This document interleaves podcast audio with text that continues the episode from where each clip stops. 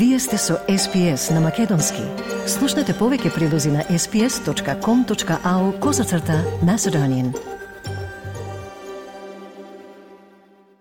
Во денешниот билтен во Камбера започнува дводневно рочиште на кое се довидува во прашање способноста на австралиските судови да одржуваат тајни судења.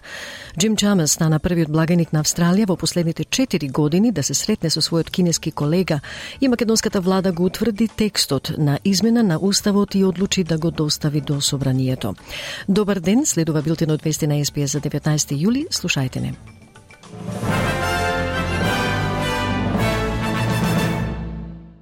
Способноста на австралиските судови да одржуваат судења во тајност во случај на прашања поврзани со националната безбедност ќе биде разгледана на дводневното рочиште кое започнува денеска во Камбера. Грант Доналдсон, независен австралиски наблюдувач на законодавството за национална безбедност, ќе ги слушне владините представници, шефовите на разузнавањето, обвинителите и застапниците за човекови права. Господинот Доналдсон предупрети за тајните судења по случајот на поранешен воен разузнавач наречен Сведок Джей.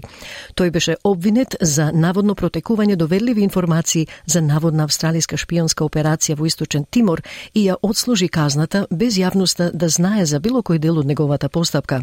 Случајот излезе на виделина дури од како сведокот Джей покрена судски предизвик против затворот затоа што ја информирале полицијата за мемуарите што ги пишувал. Премиерот на Нов Јужен Велс Крис Минс ги прекина сите разговори за преземање на игрите на Комонвелтот во 2026 година во Сиднеј. Ова ја уследи објавата на премиерот Даниел Андрус дека Викторија, каде што првично требаше да се одржат игрите, повеќе нема да биде домакин на игрите поради нивната цена што ги надминува очекувањата. Господинот Минс вели дека неговата влада не е подготвена да го преземе проектот под сегашните финансиски околности. We've also got unprecedented debt in the state, and I'm not going to commit to a massive project that I'm not confident that we can complete given the huge pressures the government and the people of New South Wales are already facing. Джим Чамес стана првиот австралијски благаник во последните 4 години да се сретне со својот кинески колега, одбележувајќи историски момент за двете нации. Доктор Чамес ја искористи можноста да се сретне со кинескиот министер за финансии Лиу Кун во Индија на маргините на состанокот на министрите за финансии и гувернерите на централните банки. Тоа ја означи првата средба меѓу австралијски благаник и кинески министер за финансии од јуни 2019 година. Благаникот кој го опиша разговорот како пријателски и слободен вели дека двајцата разговарале за стабилизирачките кинеско-австралијски дипломатски односи. Во вести од Македонија, македонската влада го тврди текстот на измена на уставот и одлучи да го достави до собранието. Со ова и официјално стартува собраниската процедура и започнува да течат роковите за промена на уставот. Предлогот, како што наведуваат од владата, се заоснова на заклучоците од собраниската седница одржана лани во јули, заклучоците на Советот на ЕУ и заедничкиот став на Унијата изнесен на првата меѓувладина конференција. Владата цени дека со предложените уставни измени се зајакнува мултиетничкиот карактер на државата во услови кога стратешките партнери САД и членките на НАТО и Унијата Македонија ја гледаат како фактор на стабилноста во регионот и доверлив партнер кој во моменталната геополитичка состојба ќе придонесе за одржување на безбедноста на Балканот и во Унијата пред граѓаните и државата е неповторлива шанса за потврдување на европскиот пат, забрзување на интеграција и членство до 2030 година, порачуваат од владата, откаде очекуваат конструктивност и совесност од сите пратеници при усвојувањето на измените. Цитат, владата очекува конструктивност од сите политички субјекти представени преку пратениците во парламентот, совесност од сите пратеници и фокус кон постигнување надпартиски консензус при усвојувањето на уставните измени како дел од преговарачката рамка со Европската Унија. Владата повикува на разум и свесност за актуелниот моментум во кој што државата ја има можноста да избегне повторна многогодишна изолација и напротив, конечно да ги реализира европските перспективи се наведува во владиното сообштение. Обединетите нации велат продолжуваат со изнаоѓање решение за да се донесат украинското и руското жито и ѓубриво на глобалните пазари, откако Москва се откажа од договорот што возможува безбеден извоз на жито. Договорот Black Sea Deal беше постигнат со посредство на Турција минатата година во борбата против глобалната криза со храна влошена со руската инвазија на Украина. Украина и Русија се меѓу најголемите извозници на жито во светот. Повлекувањето на Русија во понеделникот исто така стави крај на пактот меѓу Обединетите нации и Москва, во кој представниците на Обединетите нации се согласија да му помогнат на рускиот извоз на храна и ѓубрива да стигне до светските пазари. Сепак портпаролот на Обединетите нации Стефан Ѓурич вели дека меѓународното тело прави се за да обезбеди двете земји да продолжат да ги извезуваат своите земјоделски производи. The Secretary General will continue to explore all possible avenues uh, to ensure that uh, Ukrainian uh, grain, uh, Russian grain, and Russian fertilizer are out into the global market. There are a number of ideas being floated. I think also questions need to be asked of ship operators and, and, and others Нов лек се смета како голем напредок во борбата против Алцхаймеровата болест, откако глобално тестирање потврди дека го забавува когнитивниот пат. Испитувањето на 1700 пациенти, вклучително и 16 австралици, покажа дека експерименталниот лек на Eli Lilly, Donanemab, може да ја забави прогресијата на проблемите со меморијата и размислувањето за околу една третина. Колку порано се добие третманот, толку подобро, бидејќи стапката се удвојува на 60% ако лекот се започне кога пациентите се само благо оштетени. Шефот на клиничките служби во Центарот за деменција, доктор Стивен Макфарлейн, вели дека тоа е вистинска пресвртница. We've had some glimmers of hope in the past couple of years with other monoclonal antibodies that have been developed. This one appears to be more successful in terms of the power of the effect that it has.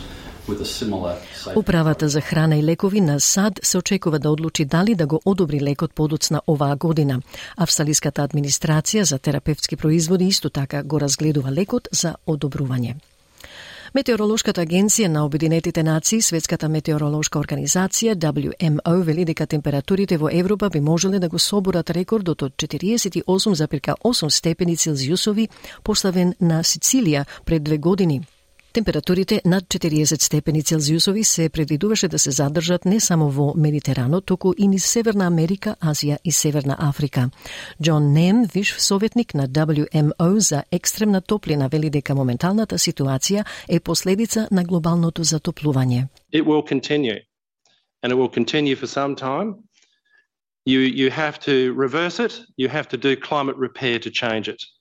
So it is global warming and is going to continue for some time. Во меѓувреме топлотните бранови се засилија низ јужна и источна Европа, Азија и поголемиот дел од Соединетите држави. Шумските пожари продолжија да беснеат во областите северозападно од грчкиот главен град Атина. Пожарите принудија илјадници да ги напуштат поморските одморалишта надвор од Атина.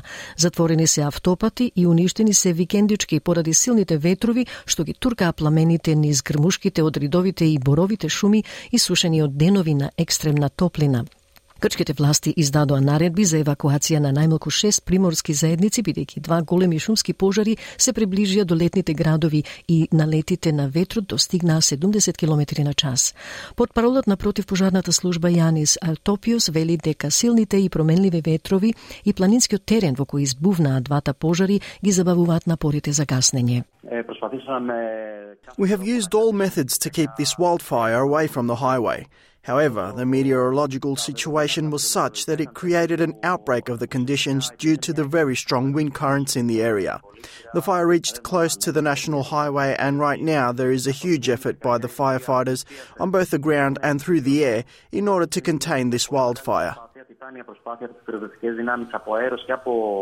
Федералната влада ги објави плановите за подобрување на националните системи за рециклирање, вклучително и мултимилионска инвестиција во инфраструктурата во Нов Јужен Велс. Девет проекти ќе бидат финансирани со инвестиција од 11 милиони долари заедно со владата на Нов Јужен Велс за подобрување на приватната инфраструктура за рециклирање и незиниот капацитет за повторно производство на материјали за над 20.000 тони годишно. Федералниот министер за животна средина Тања Плиберсек вели дека владата исто така ќе се обиде да создаде национален систем за подобро следење на рециклираните производи во текот на нивниот целосен животен циклус. It's really important that we are reducing waste in the first place, that we're recycling more, uh, but once we've recycled it, we need markets. Една нова студија за навиките за спиење на младите австралици покажа дека секој четврти не е задоволен од спиењето, кое може да биде силен показател за слабото ментално и физичко здравје. Истражувањето објавено во списанието Australian and New Zealand Journal of Public Health опфати 1234 млади возрастни лица, откривајќи дека 60% пријавиле неправилни навики на спиење.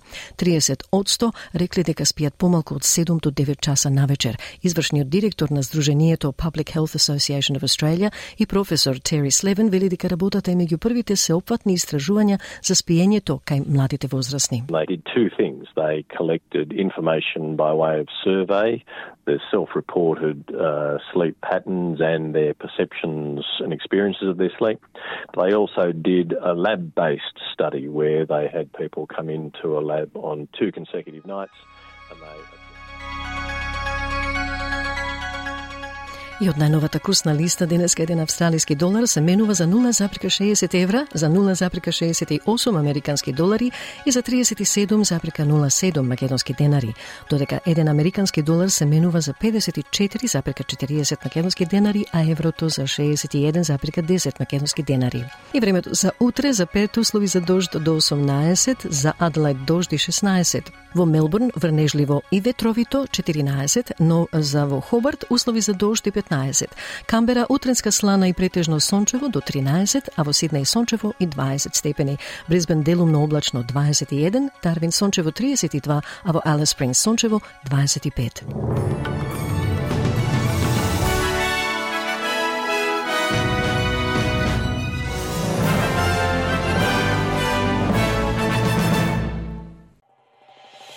Сакате ли да чуете повеќе прилози како овој? Слушате подкаст преку Apple Podcasts, Google Podcasts, Spotify или од каде и да ги добивате вашите подкасти.